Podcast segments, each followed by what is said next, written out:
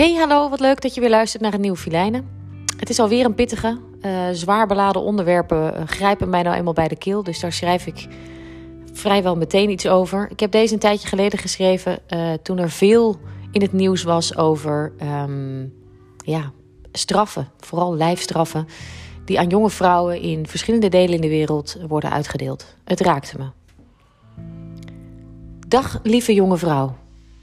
100 stokslagen onder toeziend oog van alle die willen kijken. En dat zijn er veel. Vooral mannen. Maar je hebt het verdiend. Je weet toch dat je je lichaam aan niemand anders dan jouw eigen man mag tonen? Laat staan dat er een andere man dan de jouwe aan zal zitten. Het mag misbruiken, het mag vernederen. Je weet toch dat dat niet mag? En aangezien het jouw lichaam is, ben jij er dus de baas over. Dus dat jouw vader zijn handen niet thuis wist te houden, dat is geheel aan jezelf te danken.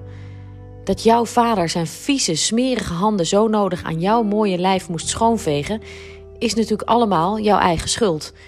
Dat jij hierdoor je zoon verloor, dat is de straf van moeder natuur. De honderd stokslagen zijn de kers op de taart. Jij leeft in een land waar mensen deze tekst als heel normaal beschouwen. Waar mensen niet net als hier de woorden vol afschuw en ongeloof tot zich nemen.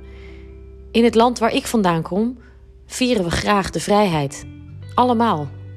Mannen, vrouwen, vrouwen, kinderen. En terwijl ik met mijn vrienden een biertje drink op een terras, krijg jij honderd stokslagen. Een groter contrast kan ik me niet voorstellen. Je bent even oud als ik. En terwijl ik mijn vrijheid al lang niet meer als rijkdom zie, word jij gewezen op je onterechte grenzen van bestaan. In een arena vol leedvermaak verslaafden. Ik lees over jou. Gelukkig lees ik over jou, al weet ik niet of ik blij ben om je verhaal te kennen.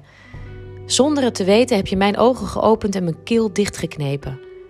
Ik kan je niet meer uit mijn hoofd krijgen en ik blijf mezelf verbazen over het feit dat wij een wereld delen. Jouw wereld lijkt zo'n andere dan de mijne.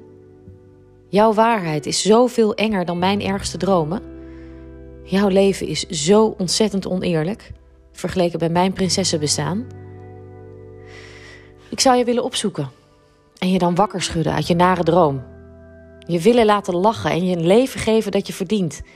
Een leven vol kansen, eerlijke kansen. Een leven waarin jij zelf bepaalt wie jouw lijf ziet en waarin de enige stokken die je van dichtbij ziet, degene zijn die jouw hond je terug kon brengen. En dat jij dan lacht. Eindeloos lacht. Gewoon omdat het eindelijk kan. Liefs, Filijnen.